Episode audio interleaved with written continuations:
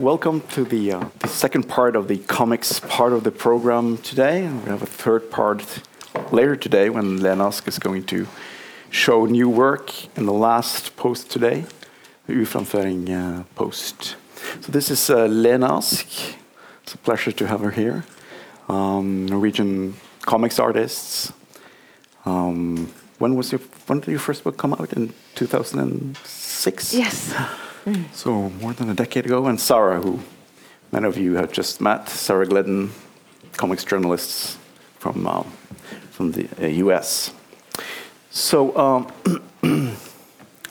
we're gonna have like a conversation now. Um, Sarah, for those of you who were here just a moment ago, uh, started out with with this um, this book came out, and you but you first worked um, in black and white drawings. Would you would you say that your could you say a little bit how, about how you the way that your style has developed, how it changes changes the way that you Sure. you work? Um, well, I got into color kind of not out of my own choice. Um, so I, like I said, I started serializing this first book as as zines, as mini comics that I would just you know draw 25 pages of and then Xerox and staple myself. And I had only worked in black and white. And in 2008, um, an editor from Vertigo came to a comics festival where I had these mini comics and bought them, and then asked if I wanted to make a book uh, out of this these mini comics. And I said, like, wow, yes. And he said, okay, there's two conditions. One is we need to get someone else to letter the comic because your lettering is very unreadable, which is true. And the other was that he said we want to do it in color, and I said like why like. And it was because they liked for the cover of the mini comic, I wanted it to stand out a little bit. So I had like drawn one panel and like kind of painted it with Photoshop the best I could. Um, not it wasn't really something I was comfortable with because color is just so different. Um, and so they said, okay, but the whole book has to be in color because I think it's easier to market when it's in color. Um, so I said yes because I just wanted them to do the book. And then I was like, oh no, what am I going to do? Like, I've never like done a color comic before, but I did go to school for oil painting. Um, and so I decided to try watercolors, um, which, you know, you mix in the, kind of the same way that you mix oil paints. And so the first book, yeah, I just like, like, okay, I guess we're doing this in color. And it kind of like took a lot of experimentation, but now it's hard for me to do stuff in black and white. Like color has become just so much of how I work. And also the great thing about color is that if your drawing has like imperfections or if it's, you know, my drawing style is not the most photorealistic. Color can kind of mask some of the mistakes. So like, everyone's too busy looking at the color and they don't notice that like that hand that you drew is like like looks like a like a glove or something. Uh, so don't tell anyone. But color is a great way to get people to look past your um, your drawing skills. Uh-huh. So there are more pragmatic reasons as well. Yeah, it's also really fun. I like painting a lot more than I like drawing. So would you say now that you you probably you've you've found your style or your form? You think you're going to work in this Yeah, yeah. particular expression over the next? I think yeah. so. Yeah. And but then for more spontaneous like commentary, you do quicker. Yeah, I use pencil or mm-hmm. pen or just, you know, with no, you know, for something like these books, there's usually a lot of sketching involved and mm-hmm. like swirling around and like getting everything just right. And then you ink on top of that. But for some of the quicker stuff I do, I just don't do any underdrawing, just like a f- straight. You don't mind if it's not perfect, you just kind of go and do it. So yeah, quicker stuff is just pencil or pen. I, I, when I interviewed Joe Sacco a few years ago, he told me that he used to have this reference library where he had like pictures of all kinds of places and and um, animals, and he used this encyclopedia to Mm-hmm. to find forms. But now now I pretty much use the internet. He said. Yeah, yeah. Do you, do you do that a lot Oh for yeah, your yeah, work? the internet. For like locations or mm-hmm. um, For the Israel book, it was very easy to find mm. stuff online because, you know, this was this guided tour uh, for foreigners. So of course they're going to take you to the most touristy places in the country. So it's very easy to find visual reference from the Western Wall or from Masada or something mm-hmm. like that. Um, but it does get mm. harder when you're going to places like northern Iraq, there's not a lot of pictures there. So I just made sure to take lots and lots of photos while I was there because I knew if I go home and I need a picture of that restaurant that we went to, I'm not going to find it on the internet. Exactly. Um, so yeah, sometimes yeah, you, Google is great. It's your friend, but I definitely try to take as many of my own photos as I can because you know I only I know like sometimes you know what makes a good reference photo isn't like a nice photo. Like if I were going to make a, a comic about what's happening in this room, you know, I would take a picture of like that corner over there or like, you know, the lights, like they wouldn't be nice pictures, but it's the information that you need. It's, you know, this weird pipe that's in the background. Um, you kind of just need to get all of that um, just more technical information. Um, whereas like someone's photo, like vacation photo of Bergen, they're going to show like you know the the typical scenes, but not like maybe the side streets that like are a little bit more boring. So, yeah. Uh, I was thinking um, about this uh, while uh, looking through your your books, um, both of your your you, and um, it seems to me that you both started out in in terms of wanting to um, raise questions about your own cultural identity in terms of family history and ethnical issues. And I see a few new faces here. So um, maybe you, Sarah, could just um, describe uh, briefly how you came about in, in, in working with the first book. Yeah, so I started out my comics in general just doing little comics about my daily life. Um, but often your daily life, you know, if you're someone who's interested in politics or you're someone who's interested in, um, yeah, current events, what's going on in the world, that's part of your daily life too. And for me, you know, I grew up as this, you know, kind of what we call like secular progressive Jew in America. So um, just kind of coming from a perspective of, okay, I'm Jewish, and so I have a relationship to Israel, and that people have always told me that this is my country, but having a lot of problems with the way the government works there and hmm. what they're doing with the Palestinians. And so for this book, I went on this, you know, guided tour of the country, and it was about the tour itself. It was supposed to be a book about like what is this tour and like what are they where do they take you, but it also ended up being a lot about my relationship with it and kind of struggling with that Jewish identity. You know, is this country my responsibility even though it's not my country? Um, you know, what am I like supposed to do about it and like how can I find information that isn't biased when it's a conflict that is so polarized and you know so biased in the media and you know anything that you can find about it so yeah it's really a lot about um, where my personal life and identity intersect with this conflict that you know is really existing well outside of my own life. It has nothing to do with me but you know we have a relationship with the world we have a relationship with the countries that our countries interact with and so that's basically what that book is about. Well, Lenny, you also um, your your first book. Uh, I mean, I I've, I've, I've, I guess it's it's been described as a, um, a memoir. Um, could you could you say how you how you started to develop that project and what you what led you into it?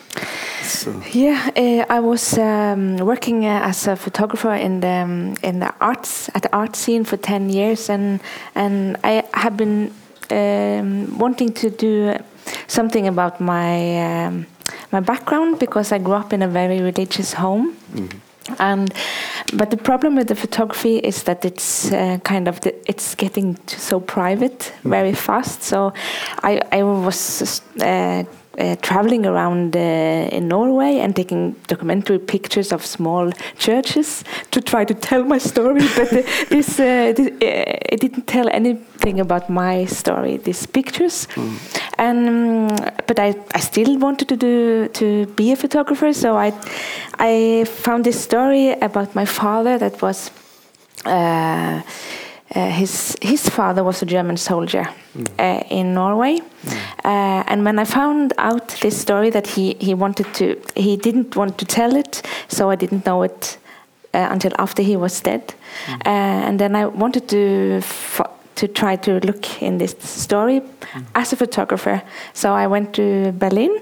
But um, this wasn't a very good idea uh, because I couldn't make it. I couldn't take pictures of a story where I tried to look. I, I tried to look uh, um, after my grandfather, but he, I couldn't find him, so I couldn't take any pictures. So then I started to draw as a kind of um, I, I in pa- in panic because I didn't have, I didn't know what to do.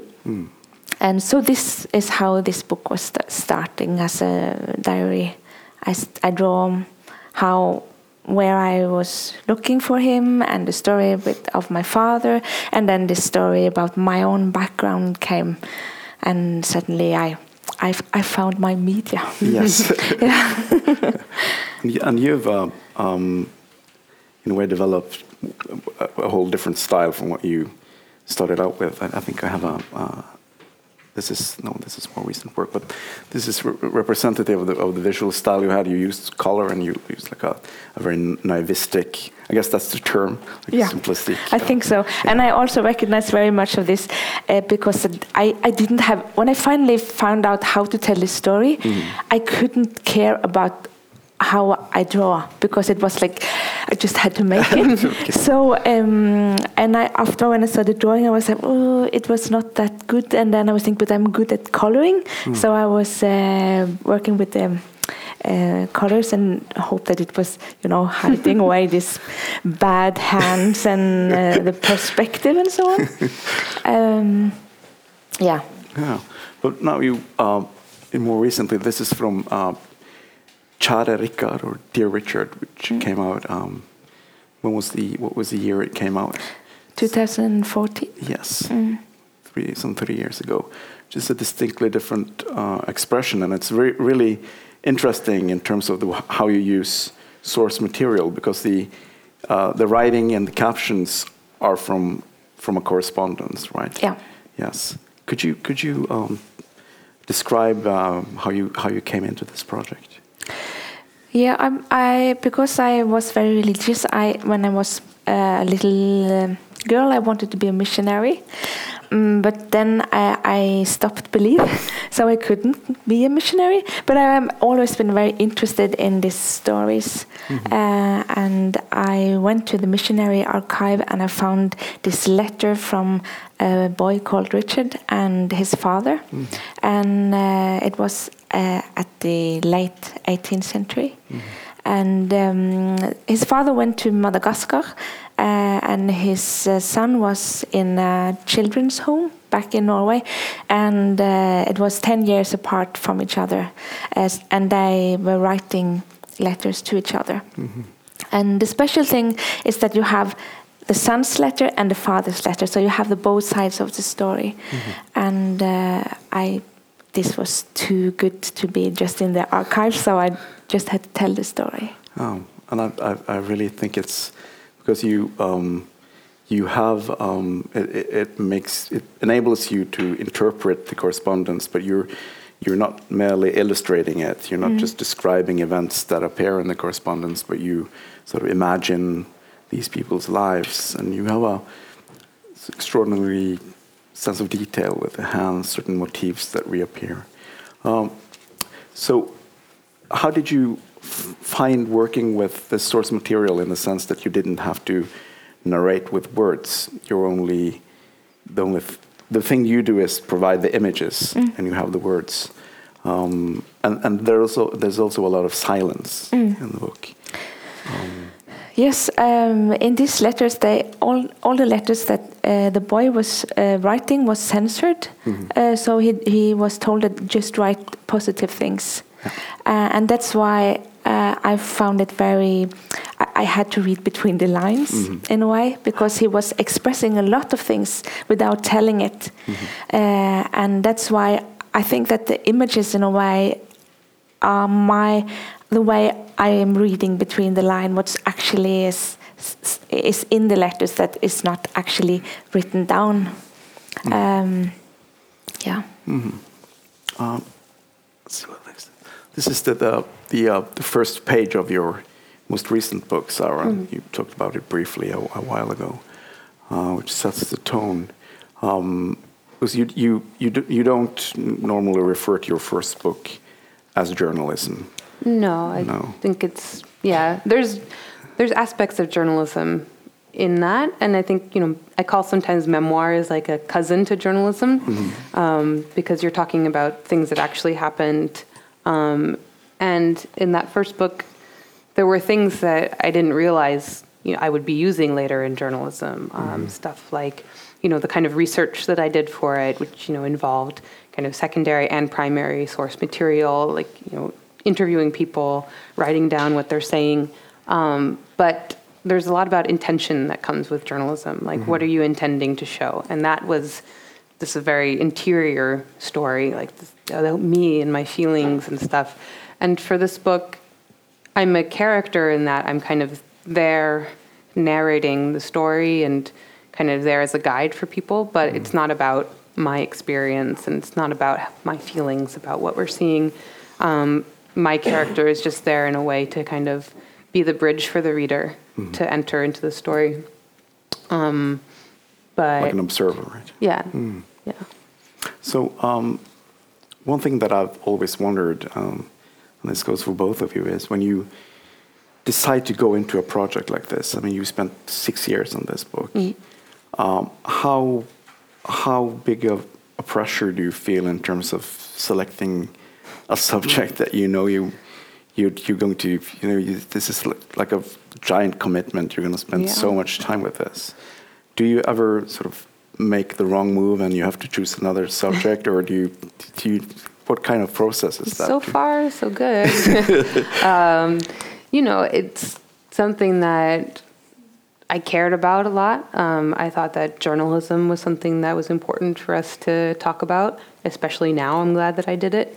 Um, and, you know, to talk about the Iraq War, it was something I felt very strongly that we were kind of ignoring as a country. Um, we were ignoring the way that the war in Iraq has affected the rest of the Middle East. Um, and we were kind of ignoring, like, just because like most of the conflict is over or our troops are gone, like that doesn't mean that people's lives stop being affected by it. Um, so to me, it was worth spending a lot of time on. Um, but you know, things did change while I was working on the book. Um, Syria went from being a place that was a safe refuge for lots of people to being a place that is now where the refugees are flowing out from. Um, yet, I still thought that you know what's current events now becomes history later. Yeah. And people still need to be able to go back and see what happened um, to these people because, you know, hopefully an observant reader would know that what Iraqi refugees went through then, Syrian refugees are going through now. Um, and there are a lot of parallels there. Um, but yeah, it is, you know, you have to pick something that you think, okay, I'm going to still care about this in four years when I'm still working on it. So. And, and in a sense, when you go on that trip, you know the work awaits you when you when you return with its massive material that you have tra- Mm-hmm. transcriptions and sound files and photography and notes. Um, so, um, but um, there's also this interesting sense of intuition in this book because you you join you join these journalists on a trip where they they're not sh- entirely sure what kind of how the trip will turn out, and you're sort of documenting the trip that they don't entirely know how will turn out. So, um, th- th- did you at any point, or I know you, that you did, but uh, but could you say a little bit about how that affected the work process? Where you, uh, when you when there were there moments where you wondered whether you would be able to make anything at all? Oh yeah, I mean, just the fact of like, so you know, that's part of how journalism is. You know, I think even a reporter that goes in with a very structured plan, there's going to be you know times when the story dictates where you go. Um, you know, you're a good journalist at least is not going in to prove something that they already think. It's to like investigate. Because you're curious and you want to find out more. Um, so a lot of times that leads you in directions that you didn't anticipate. And you know, definitely during the course of this book, it, oops, I just smudged my eyeliner. um, I definitely went through that a lot, where you know, wondering like, okay, do they even know what they're going to be doing and how am I going to portray that without having this book go all over the place. Um, and it is hard, like you know, it's like a lot of stories kind of nested in each other. Um, But I don't know if that answers the question. Yes. You, you've, yeah. Yeah, and I I feel my project collapsing all the time. But when I looking back, I'm kind of forgetting it. So I was like, oh, it was so much. But when I, when I look at Richard, I'm like, oh, this was a very good project uh, because I always knew what to do, but I didn't. Bec- um, just at the end, I was feeling, no, this is not the story. This is not the story. Um, and now I'm struggling. Uh, you know, and now it's it's three years since that book came, and I'm uh, still don't have any book, and I still don't know what to do. Well, so it's not entirely true, though. You've, you've, you've made other books. yeah, I made other books, yes, but not cartoons No. or graphic novels. I think that struggle is part of the work, though. I know for me, for this book, like, you know, I said that I spent about a year transcribing dialogue, but I was also spending that year kind of tearing my hair out and like sitting on the couch and taking note and like, okay, what is the what is the structure going to be of the book? What is it going to look like? And mm-hmm. Feeling like you should abandon the project. But I think you need to go through all of those doubts and struggles in order for it to get eventually to the place where you know where it's going. Um, it's just it feels like you're not progressing at all when you're just like I wrote the first chapter of this book like 10 times at least Yeah. like did I have like other versions drawn on my computer that like you know I completely threw away because I think like part of you know with comics I'm sure maybe it's the same for you is like it's not just the story it's like what is the frame going to be? Mm-hmm. Like who is telling the story? Mm. What is the kind of narrative voice that i want to use here? Like am i just going to use the letters itself or is there going to be like did you ever consider maybe having like narration that wasn't part of the mm. correspondence? I mm. don't know but yeah, but that kind of um, yeah. And what kind of story do you want to tell? You know, when you when you have all this material, uh, because when I I read all the letters, I was thinking this I I can tell five difficult Yeah. sto- different stories about this stuff because uh, I I could tell about abuse, I could tell about you know hate, but I choose to focus on this love story. It's between the father and the son, even though it was such in such a big different uh, diff, uh, yeah there was such a big They were so far from yes. Yeah. thank you Yeah, sure. uh, so that's all this um, uh, chosen um, now suddenly I d- can't speak English anymore You're doing fine. yeah Um, you, you've um, you've worked with archive material now. Yeah. Are you thinking of doing more like current affairs or like journalism, or are you st- do you still want to work with events of the past? If you s- see Um, uh, I'm not sure yet, No. but uh, I, th- um, I think I want to do both. Yeah. Yeah. Um, uh, when you're s- parsing these stories out, you have a certain. I mean, since this is called uh, drawn nonfiction, I'm sure people would like to know more about how you think in terms of distributing your information with words and, and images. At least I, I'm interested in that. Um, so, for instance, Sarah, when you've, you you make this this book, you have a fair amount of historical narrative, and then you have the things that happen, and you have to parse it out. Is that that has to be a challenge? yeah especially because you don't want to fall into the trap too much of having illustrated text um, it's very easy to kind of just fall back on that like you know baghdad in the 1970s was modern and cosmopolitan and then you have an image of baghdad in the 1970s being you know and like i think comics when they work best is when there's a synthesis that the text and the image together create something new that you couldn't have alone. Um, and sometimes that's you can drive yourself really crazy trying to like, you know, make sure that that never happens, that you're never illustrating the text. Sometimes it's just I think a necessary thing. But if you only have illustrated text, it becomes very boring and very flat, and you'll just say, "Why is this a comic? Yeah. Why isn't it just a prose work?" Um, but yeah, it's it's difficult because you want the at the root of everything, you want people to understand. You want it to be clear. Um, and comics, you know, really are about um, simplifying enough to like create a visual language that people can understand. Um, and so that is hard. Like you don't add all the details; you just have some. Um, and yeah, and it's difficult for historical things because you don't have a lot of space for text. There are times when I wish that like. Okay, it could be comics, comics, comics, and then two pages of just text. Yeah. Because I want to talk about the history, and I want to like have all of this room to talk about like this very complicated backstory to this country or these people.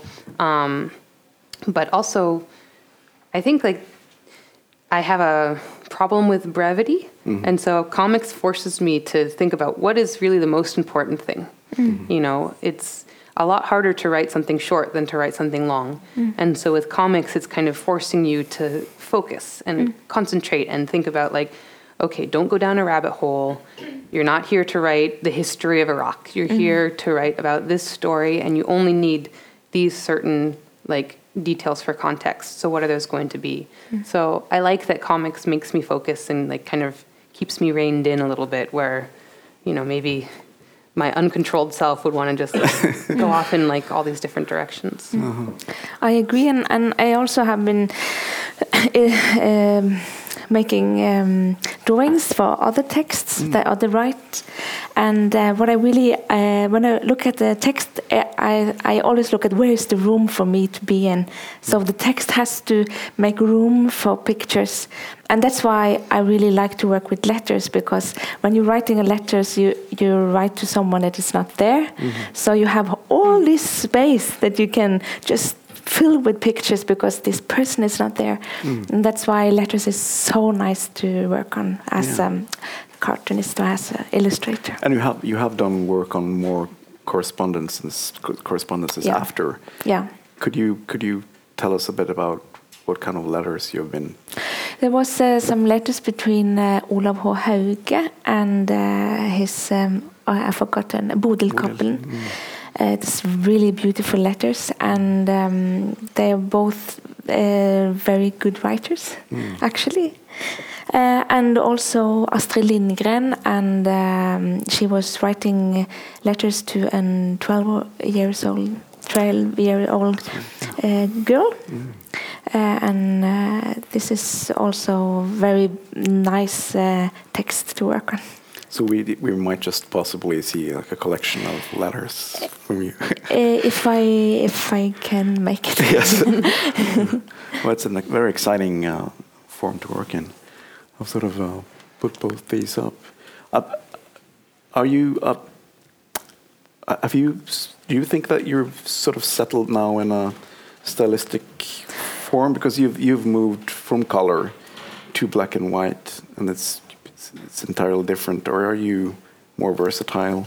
Uh, no, I, I'm changing all the time because Yeah. I'm I'm so unsecure about if it's, this good enough or should I try something else and so uh, no I think it's so. Is it uh, graphite? Are you using pencil or, or pen? uh, pencil. It's, I love it so much. Like, you should be secure. it's really good. Thank you. Yeah. Um, actually, unbelievably, half an hour has passed. We're nearing the end, but um, I'm opening for questions. If anyone has a question for either both of these two artists or one of them, no. Okay. Thank you for listening. Thanks.